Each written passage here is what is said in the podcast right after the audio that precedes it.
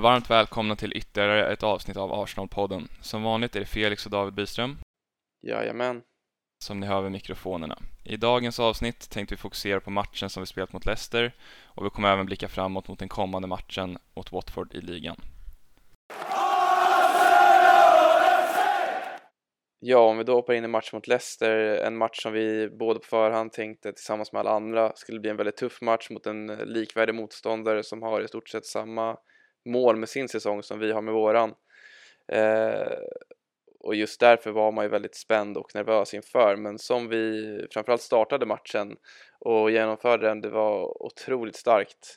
Eh, och på tal om en stark start så var det ju just det, den här höga pressen igen som vi har sett ja men eh, framförallt sen kanske Tottenham-matchen att vi har verkligen fått till den eh, med den här lite mer 4-4-2 formationen med eh, väldigt tydliga triggers i att alla, när väl en börjar pressa så följer hela laget verkligen med eh, och det känns verkligen som att Leicester fastnade i den pressen eh, från start.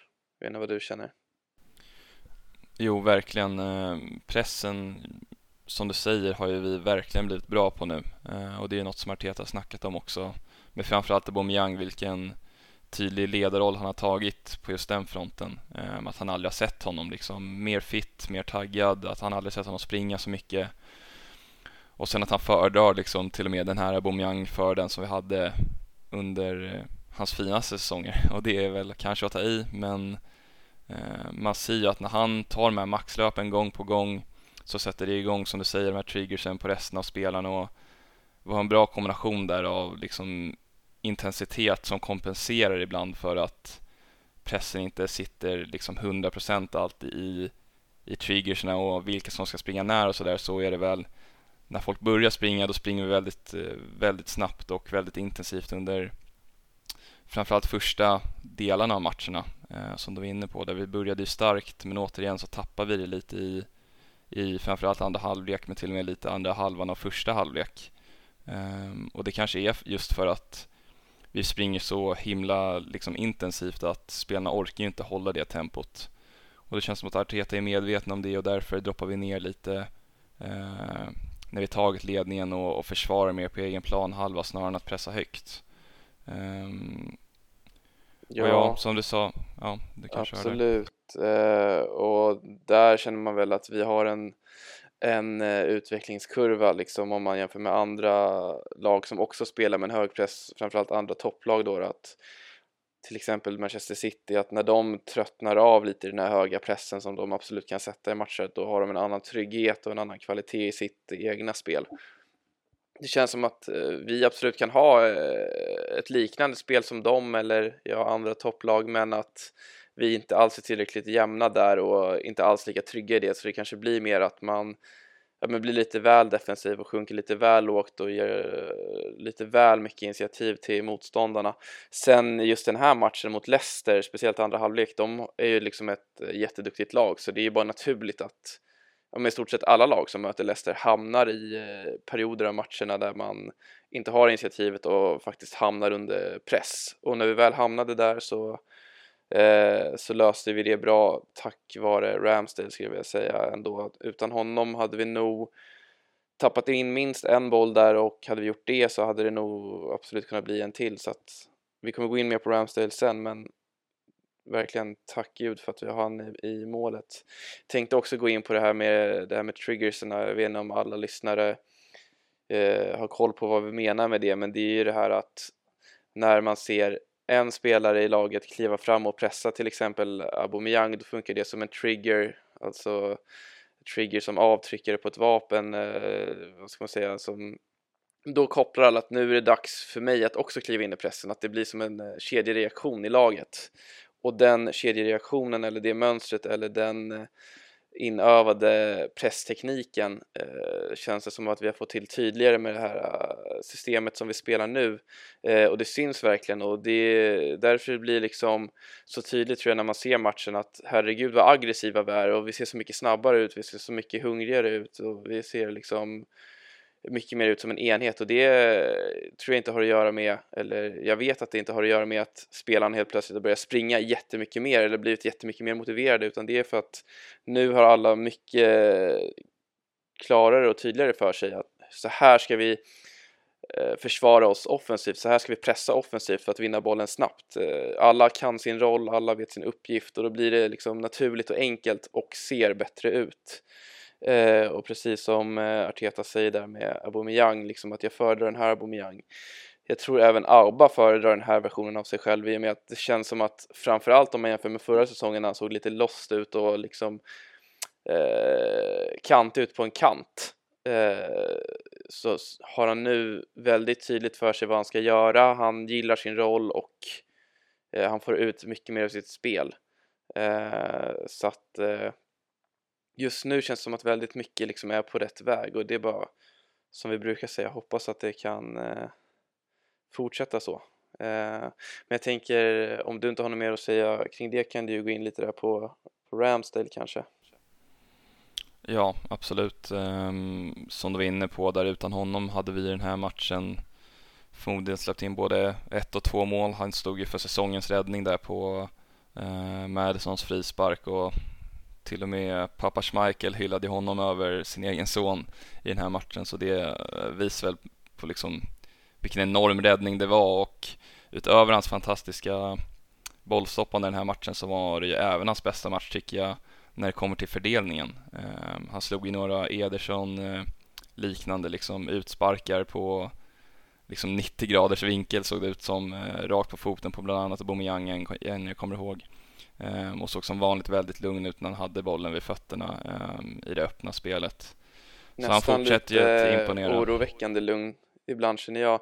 Dels tänkte jag eh, ja, men gällande det spelet med fötterna där att eh, det känns som att han har ett misstag i sig nästan, att det kommer komma ett misstag likt ja, till exempel hur Alisson, men jag tror även Ederson har haft något sån, liksom när man nästan blir lite för självsäker när man eh, får en passning hem och ska hålla i och kanske försöka vända bort en spelare. Det känns som att Ramsdale snart säkert kommer råka göra något misstag och kanske att det leder till ett baklängesmål, men det är ju det värt. Alltså, och det är ju Arteta och hela klubben och medspelarna medvetna om att visst, det är en viss risk när man ska spela så så pass ja, ändå riskabelt med fötterna som målvakt.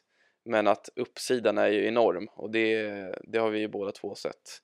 Sen, ja eh, exakt och sen eh, kan man ju säga samma sak egentligen om båda mittbackarna i Gabriel och White. Framförallt White då kanske eftersom att han sköter den största delen av eh, uppspelen. Eh, han kommer ju också att göra något misstag. Han har ju redan varit nära att stå för ett baklängesmål när han slog en eh, snål hemåtpass i någon match här. Eh, som tur var så var ju Ramstead där och räddade honom då. Men båda de som du säger kommer ju liksom att stå för något misstag förmodligen som leder till mål. Men eh, ja, vi tjänar väl kanske, nu hittar jag bara på siffror, men 10 mål eh, per säsong på grund av de här uppspelen och så kanske vi släpper in två. Så det är definitivt värt det eh, oavsett om det skulle resultera i baklängesmål.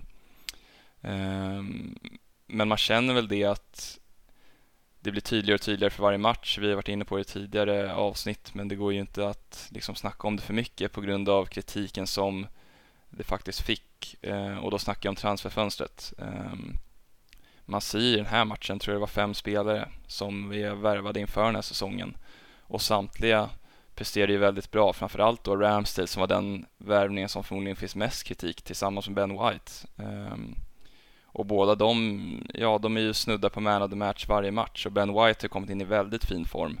Uh, nu kommer vi inte snacka så jättemycket om Leeds-matchen här för den var inte så jättespännande men i, i den matchen så till och med mer än i Leicester-matchen var han ju extremt imponerande Ben White. Hur han drev fram med bollen och ja, men han går ju på dina dribblingsräder likt liksom eh, Eh, Jan John Stones eller Maguire och gör det typ ännu bättre än dem när han driver förbi första pressen och, och sen är han lugn och letar efter en enkel pass i sista tredjedelen. Eh, så han imponerar ju mer och mer varje match och det kan man säga om alla våra värvningar och framförallt Ramsdale då som har blivit hyllad efter den här insatsen. Ja, och det känns ju som att utöver att det verkar vara bra spelare vi har värvat så har vi verkligen pinpointat vilka roller vi saknar liksom i elvan och vilken spelartyp som behövs för att fylla de rollerna. Liksom, eh, för Leno tyckte ju både du och jag eh, och tycker fortfarande är jättebra målvakter. Vi var ju båda liksom som två frågetecken när vi började se ryktena kring att ja, Arsenal letar efter en ny målvakt och eh, den målvakten är Ramsdale och vi kände ju båda två att jaha, eh, liksom, eh, är han så mycket bättre än Leno? Nu hade vi båda två liksom såklart sett Ramsdale spela innan, men det är ingen spelare jag hade fastnat för, knappt reflekterat över eh, sen innan. Eh, så att det kändes verkligen som en märklig värvning, men det är ju liksom här man känner att det är verkligen proffs som jobbar och söker och analyserar, eh, ja men i det här fallet målvaktspositionen, för han har verkligen gjort vårt lag bättre. Eh, och det jag kände till en början var ju, okej, okay, han kanske är bättre med fötterna då. Men är han verkligen en bättre skottstoppare? Men det känns som att han är på minst samma nivå som Leno där hittills. Så om det här är hans nivå, då är det ju en helt otrolig målvakt vi har fått in. Eh, för han eh, gör ju matchavgörande räddningar i stort sett varje match.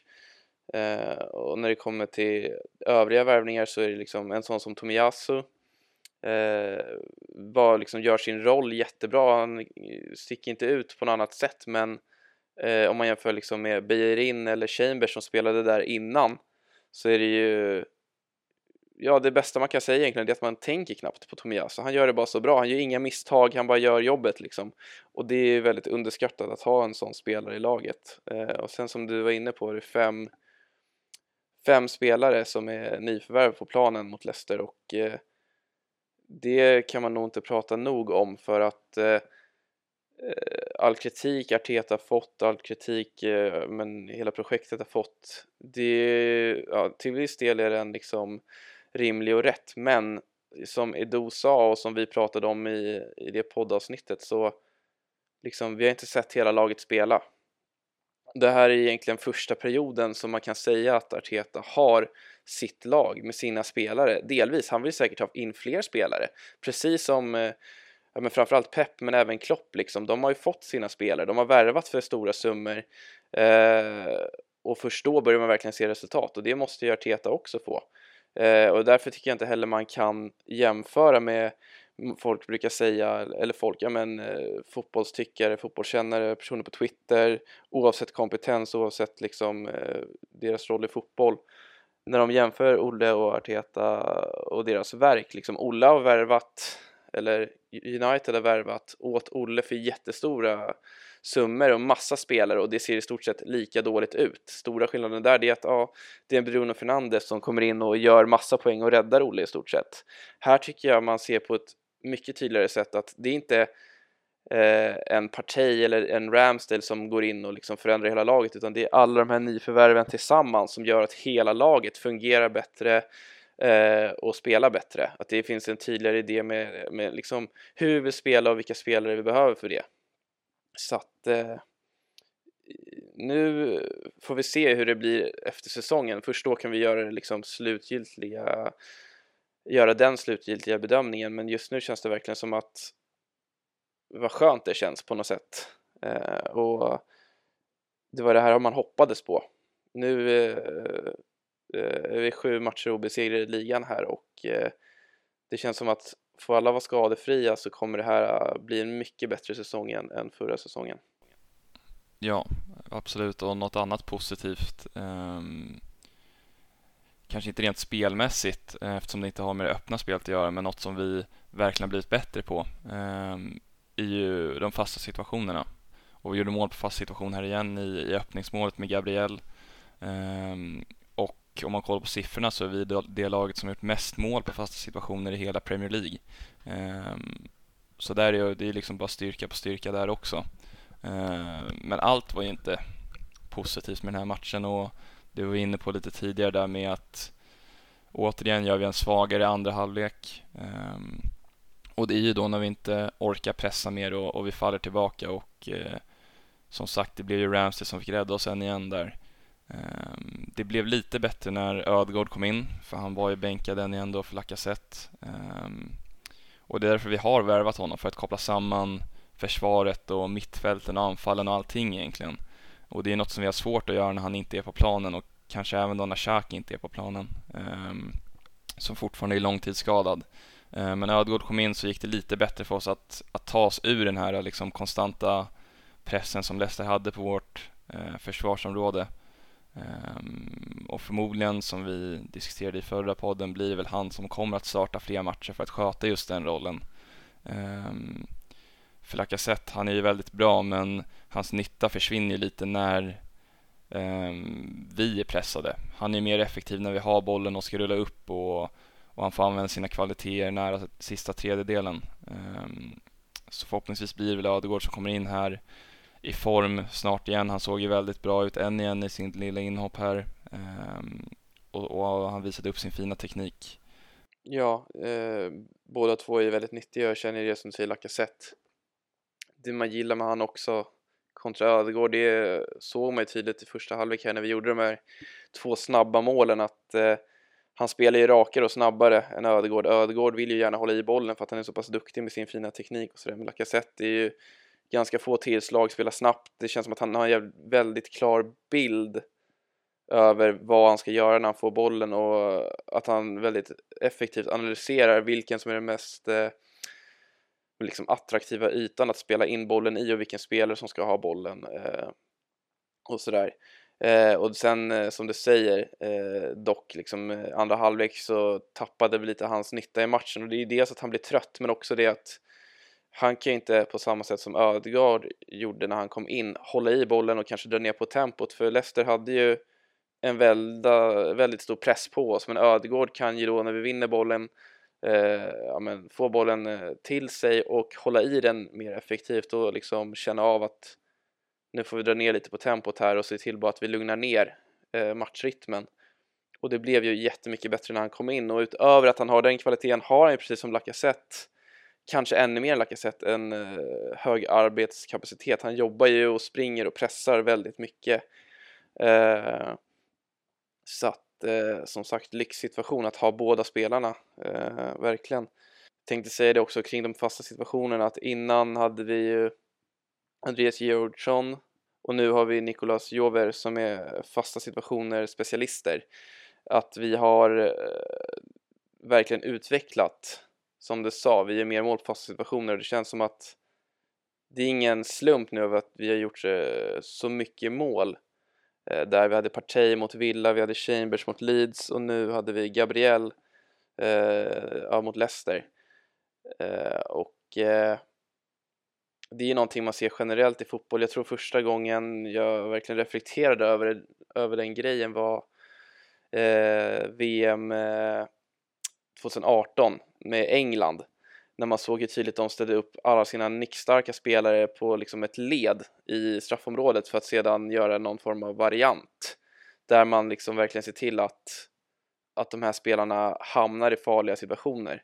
Eh, man ser det i andra sporter liksom att man fokuserar jättemycket kring sådana här liksom eh, ja men fast situationer eller om man ska säga powerplay i hockey, att man verkligen analyserar och utnyttjar när man har ett läge. I fotboll känns det som att det har varit såklart inte har varit slump eller eh, liksom random hur man gör de här situationerna men det känns som att just den delen har utvecklats och även för oss då såklart och det är, det är kul att se, det känns som att det kommer bli mer och mer mål eller farligare och farligare på fasta, verkligen.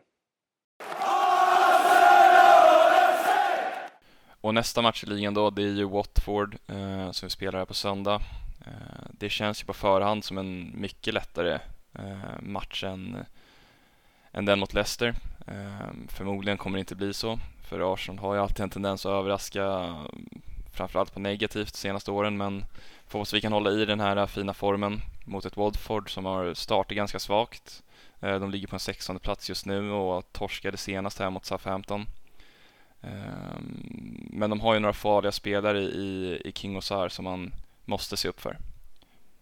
Ja, de har ju sparkat sin tränare här, Chisco Munoz, eh, får ursäkta uttalet där, eh, och plockat in Ranieri som, ja men han är ju etablerad, han är erfaren, han har gjort det bra innan, inte minst i Leicester då när de vann ligan där. Men det känns som att eh, han har ändå en lägsta nivå i sina lag och framförallt en defensiv som han brukar sätta. Och han, kommer ju vara, han är väl medveten om här att eh, på Emirates så kommer det bli parkera bussen och kontra. Och då är det ju livsfarligt och läskigt med, ja, med Sar som är väldigt liksom, ja, men om man jämför med spelare som Saha till exempel, alltså kan göra lite grann eller skapa liksom ett läge, ingenting och sen har vi Joshua King som vi alla vet som följer Premier League en ja, men en målskytt som kan göra mål liksom vilken match som helst. Eh, så att eh, det är en Ja, match han, vi ska vinna eh, liksom. Men, ja, vad tänkte du på? Ja, ja exakt. Och tänkte just King där, han gjorde ju hattrick här um, i, i Watfords förra, förra match mot Everton där när de vann med eh, uh, 5-2 på bortaplan. Så de har ju starka insatser i sig, även om Everton inte ser så speciellt starka ut den här säsongen så är det alltid imponerande att åka till Goodison Park och vinna. Uh, framförallt att göra fem mål, det visar att man, man kan göra mål. Och, och Ranieri är ju Tinkerman, han kommer ju att, att mixa med laget för att anpassa sig efter våra svagheter. Ehm, och han är ju lite av en taktisk expert, det, det visar ju inte minst när han vinner ligan med Leicester som är liksom en av sporthistoriens största liksom, fenomen. Så vi måste ha respekt för dem och det gör Teta väl medveten om. Ehm, och så länge Gabriel White och Ramsey kan prestera igen så borde vi kunna vinna den här matchen. Ehm, men förmodligen så kommer det krävas en bra insats av dem för att vi eh, ska ta hem tre poäng här. Ja, jag vet inte, hur känner du med elvan där? Äh? Jag funderar nu om, om det är liksom läge att kanske starta Ödegård en sån här match. Det känns som att det kommer bli en match där vi har mer bollinnehav och inte liksom eh,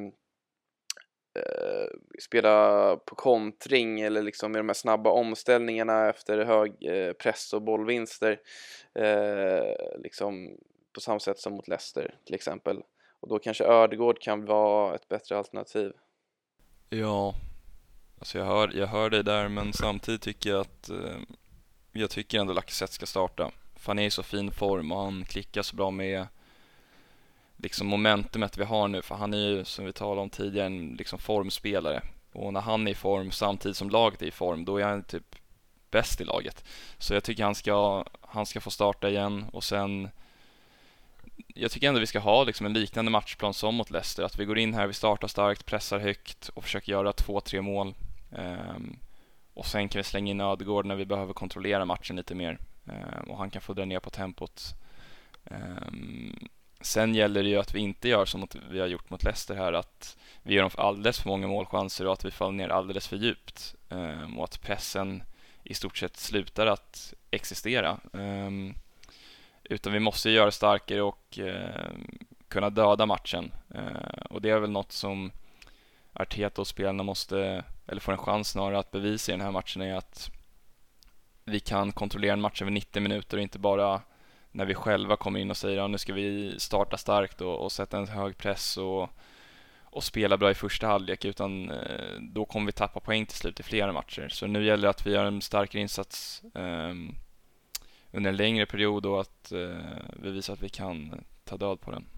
Ja, och det är just den aspekten också som Xhaka saknas och det känns ju som att i alla fall hans hatare, vilket är ganska många fans eller fotbollsfans generellt, de förstår inte riktigt det, hur viktig han är för oss och i Schweiz i den delen av spelet att Ja, men han eh, känner ju av det där med rytmen i matchen och han är jättebra på att fördela bollen liksom klokt och rätt så att laget får andas. Med Partey som vill spela rakt och skapa chanser på ett annat sätt eller skapa chanser. Han vill spela en svårare pass hela tiden generellt än vad Xhaka vill. Eh, och sen har vi Lokonga som är oslipad och ung. Han har lite eh, ja, med alla kvaliteter i sig, men han har ju absolut inte Xhaka-kvaliteterna eh, när det kommer till passningsspelet. Eh, så att, ja, just därför känner jag också det här med Ödegård, men som du säger att starta på samma, med samma elva som har gjort det bra nu här, som har självförtroende och liksom allt vad det innebär i sig kan ju vara kanske det klokaste alternativet och att i så fall ha lyxen att slänga in Ödegård om det behövs. Eh, eller han lär ju komma in oavsett om han inte startar, men att eventuellt slänga in han tidigt, kanske runt 60 minuten andra halvlek för att ta vara på en, eh, en ledning förhoppningsvis kanske är rätt väg att, eh, att gå. Eh, men jag hoppas och tror att många kanske inser att, att Xhaka saknas nu. Sen är det ju så att nu när laget går bra, och jag tror jag sa det till dig när vi kollade på Leicester-matchen, att hur ska Xhaka kunna slå sig in här nu nästan? Eh, för att det känns ändå som att Partey och Lokonga kompletterar varandra bra och att det mittfältet, det är liksom ja, men, är nästan exakt det som alla klagat på eller liksom eh, ja, men den kritiken som eh, ja, men, folk i fotbollsvärlden haft generellt mot Arsenal. Eh, det mittfältet, den duon har ju ja, men det som man såg att Viera hade och som vi har saknat sen Viera försvann. Eh, löpmeter, styrka, eh, dynamik eh, och med Xhaka är det väl det folk har känt att han är ju med i stort sett ingenting. Han har styrka men han är inte mobil, han är trög och så vidare. Eh, Mm. Ja, exakt och det är väl, man kan ju dra lite en parallell där till Ödegård Lacazette eh, situationen. Eh, Jag skulle inte säga att Ödegård är en sämre spelare än, än Lacazette, snarare annorlunda. Och samma sak skulle jag säga om Lokongo och Xhaka. Eh, Partey skulle jag väl säga rent av är en bättre, han är ju en bättre spelare än Xhaka. Men eh, de erbjuder lite olika saker, eh, Xhaka och Lokonga. Xhaka är ju bra, som du var inne på där tidigare, på att dra ner på tempot, kontrollera tempot, dra på sig taktiska liksom, frisparkar, vinna andra bollar när vi ligger lågt och som du säger hitta rätt passning i rätt läge ehm, för att ta oss ur den här liksom, hektiska perioderna i matcherna. Ehm, så precis som Eh, med Ödgård och, och Lacazette kan Xhaka alltid vara en bra spelare, även om han inte kommer starta kanske. Han kanske gör det, eh, det vet vi inte när han kommer tillbaks, men det är en fantastisk spelare att kunna slänga in, precis som Ödgård har varit här mot Leicester. Ehm, I till exempel andra halvlek eller slutet mot en match när vi leder och vill kontrollera matchen. Ja, men ta av Lokonga då, släng in Xhaka. Eh, precis som med Lacazette och Ödgård så får vi ett bättre grepp om matchen och så han kommer, oavsett om han startar eller inte, kommer han vara oerhört nyttig i, i truppen från bänken och sen som vi var inne på, när han ska, precis blev skadad så är han alltid en en fantastisk ledarfigur i omklädningsrummet. Ja, så jag tänkte på det nu, så himla sjukt. Om man tänker på mittfälts, ja, med duon eller vad man ska kalla det som vi ställde upp med mot Chelsea när vi vann fa kuppfinalen under Artetas första säsong. Det var Xhaka och Ceballos som spelade. Och om man jämför det paret med Partey och Lokonga nu, det är helt sjukt vilken skillnad det är. Eh, och det är helt sjukt vilken, eh, jag vet inte om man ska kalla det bredd, men hur mycket eh, med bredare egenskaper vi har på vårt mittfält idag kontra då, för då var det Xhaka, Ceballos, Elneni, eh, Maitland fanns ju också i truppen då och så vidare, men det var ju Xhaka, Ceballos, Elneni vi hade att tillgå på den positionen då och det var ju egentligen ingen av dem, eller det är ingen av dem som har det som Partey och Lokonga har och nu har vi ju eh, Partey som, han har ju typ allt det som Ceballos har plus så mycket mer eh, och utöver det har vi Lokonga som är ja, men, oslipad diamant, eh, prospect, eh, så mycket bättre än El Neni, så mycket, tillför så mycket mer. Och sen har vi då Xhaka som, eh, som vi redan nämnt båda två vad han tillför. Så att eh, också där cred till eh, Edu och eh, Arteta att de har nästan obemärkt utvecklat mittfältet och förändrat mittfältet till något ja, som ser ut och som jag tror är mycket starkare.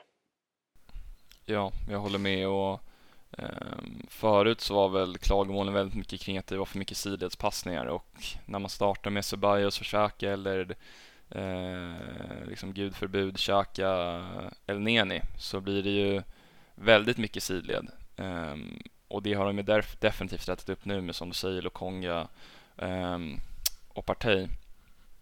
Sen kanske jag slagit över lite för mycket åt andra hållet nästan eh, med att det är alldeles för direkt nu eh, och det har ju lett till att det blir väldigt mycket mer böljande matcher. Ehm, Förmodligen kommer de ju att lära sig att kontrollera det bättre, framförallt Lokonga att, att ibland måste man bara dra ner på tempot och inte köra all action och, och försöka bryta linjen och slå en farlig passning. Ibland är det viktigaste bara att döda tempot i matchen och, och få kontroll och och liksom ta ur momentumet i motståndarlaget. För det var ju, lyckades vi verkligen inte med mot Leicester. Ehm, men det kommer vi bli bättre på och, och när Xhaka kommer tillbaks får vi ett väldigt tidigt alternativ att slänga in som sagt om vi skulle vilja dra ner på tempot.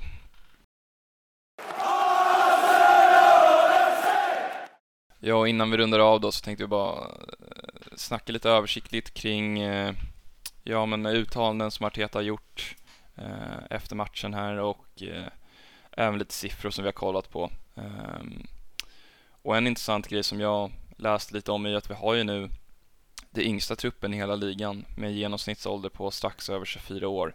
Um, och det är något som kommer bidra till Eh, inte bara ojämnheten i matcherna som vi har snackat om nu under podden men även över en hel säsong. Ehm, att när det går bra, då kommer det förmodligen gå väldigt bra för då spelar vi väldigt självsäkert utan rädsla, precis som unga spelare gör och det kommer även komma dippar, eh, precis som det var under början av säsongen, även om det kanske var lite kantfall med tanke på truppens status och motståndet så kommer det förmodligen komma svagare perioder igen under säsongen. Och då är det bara att hoppas att fansen kan vara bakom laget och förstå att eh, det är ju ett långsiktigt projekt. Det är en ung trupp eh, som kommer att tappa form, som kommer att eh, tappa självförtroendet. Eh, och då är det upp till Arteta och spelarna att bevisa att eh, vi inte tappar allt för mycket och att vi kan återhämta oss ganska snabbt. Som Wenger alltid snackar om, det, bara, det är bara bounce back nu.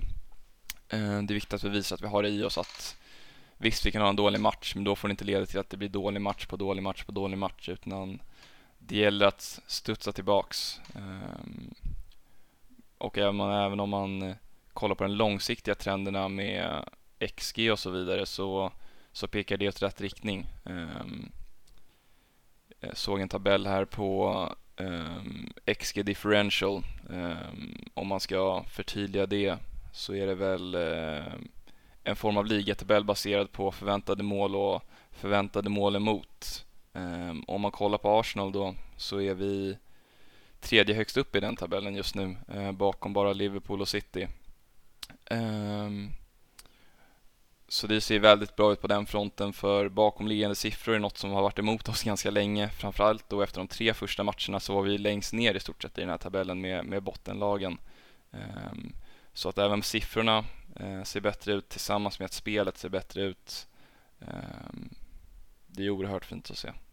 Ja, förra säsongen så var ju de siffrorna bedrövliga för vår del. Vi framförallt offensivt skapade ju knappt några chanser och som vi var inne på innan där med Auba på en kant som såg helt felplacerad ut och han såg förvirrad ut och det såg krampaktigt ut egentligen det var helt sjukt där när vi hade Auba, Lacazette och Viljan i någon form av trea emellanåt eller Enketia var inne och snurrade ibland att hur bedrövligt det var verkligen ett tag där om man jämför det med hur det ser ut idag när vi har Smith Rowe, vi har Ödegård, Lacazette, Peppe, Auba, Saka eh, det är liksom natt och dag verkligen.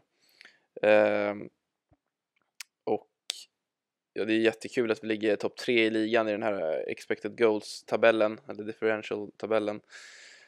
Eh, och det är väl bara att konstatera att just nu har vi en väldigt fin form eh, och det viktiga är att den formen blir eh, något långsiktigt, att vi hittar en kontinuitet i, i allt. För att fina former har vi haft innan.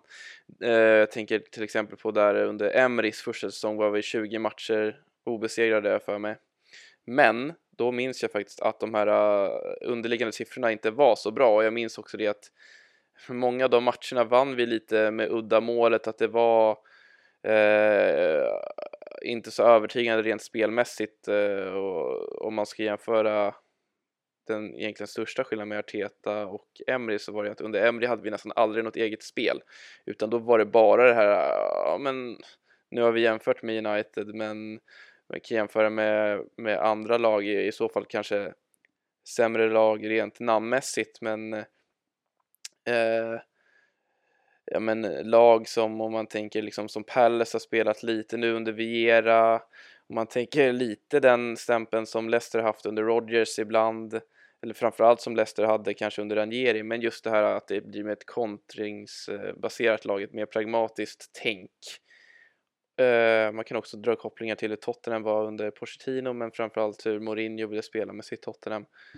Uh, och den eh, spelidén är ju helt annorlunda nu under Arteta. Och jag tror att den spelidén Arteta har eh, och som börjar sätta sig nu är också någonting då som får utslag i de här siffrorna eh, nu när det börjar se bättre ut. Och för att knyta ihop säcken där så det här med att eh, Emrys streak formtopp kontra Artetas streak formtopp eh, har ju då Arteta en fördel i att de här siffrorna ser bättre ut och det tyder väl då förhoppningsvis på att det är inte bara en form utan det är någonting längre som är på gång här. Ja, exakt och det var ju något som just Arteta snackade om eh, efter, efter Leicester-vinsten här att Ja, just nu är det ju frid och fröjd och, och allt pekar åt rätt håll ehm, och allt ser bra ut och det är bra momentum. Fansen är glada, spelarna är glada, Arteta är glad. Ehm, och då känns det ändå tryggt att han går ut och säger det att vi har inte gjort någonting ännu. Ehm, vi har vunnit några matcher, ehm, men inget mer. Ehm, att det gäller att vi liksom håller oss ödmjuka, att, att vi ser ändå att eh, på vissa fronter har vi haft tur som till exempel med Ramstead här, att om han inte gör den här monsterräddningen på Madison Scott, vem vet vart matchen tar vägen då?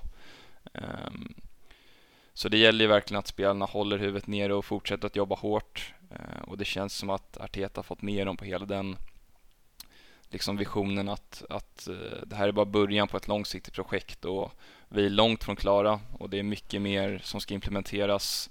Uh, framförallt det tydligaste då är väl det som vi har pratat om här att få bättre kontroll över matchen och att kunna göra starka insatser över eh, 90 minuter. Eh, så det får vi hoppas på. Eh, för annars kommer det bli svårt, även om vi just nu har väldigt bra häng på topp 4-platserna så är vi väl alla medvetna om att det blir väldigt svårt för oss att, att eh, sluta där. Framförallt nu när Conte är klar för Tottenham och Unai som du pratade om eh, ryktar sig väldigt starkt nu till Newcastles nya liksom oljeshejkprojekt eller vad man nu vill kalla det. Ehm, så ligan fortsätter bara bli tuffare, men som sagt, eh, vi fortsätter att bli bättre. Ja, det är jätteskönt som du säger och det vet väl vi båda två om, eller vad man ska säga, att Arteta och truppen har den insikten att det här är förmodligen liksom det är en formtopp och det gäller att eh, ta vara på den och få till eh, något långsiktigt.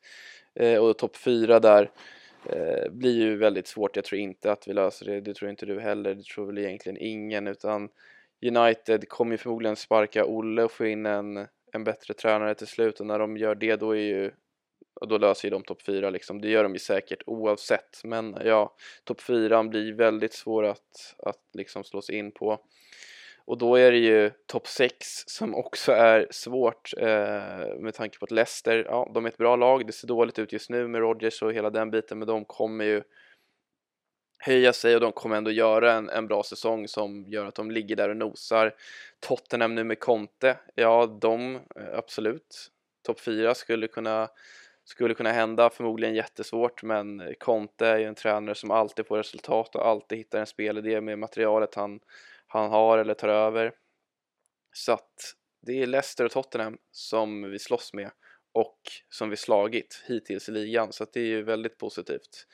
Eh, men topp 6 som sagt är målet och löser vi en, eh, en topp 6 eller en femte plats som leder till Europa League så är vi ju båda väldigt nöjda eh, faktiskt. Ja, och då tänkte vi att det var dags att eh, runda av för idag. Eh, kul eh, med ni som har lyssnat. Jag hoppas att ni återvänder och kanske delar med er av podden till andra i närhet som gillar fotboll eller Arsenal. Eh, som sagt får ni jättegärna lämna kritik eh, och berätta för oss vad vi kan utveckla och göra bättre. Ehm, men med det sagt så vill jag tacka för mig och även Felix tror jag. Ja, och eh, sen eh, det senaste avsnittet så finns ju även podden nu på Spotify. Ehm, så om ni föredrar att lyssna där så är det in och kika där. Eh, samma namn, Arsenal-podden, så börjar den dyka upp. Ehm, och vice versa, om ni bara lyssnar på Spotify så finns vi även på Apple Podcast. Så det är bara in och, och lyssna överallt, dela med er överallt, lägg recensioner överallt. Ehm, och så är det bara att hoppas att ni lyssnar vidare. Eh, vi kommer fortsätta köra oavsett så det är bara kul att ha fler och fler som lyssnar och som sagt annars är det bara att tacka för oss så hoppas vi på en vinst mot Watford. Tack för idag.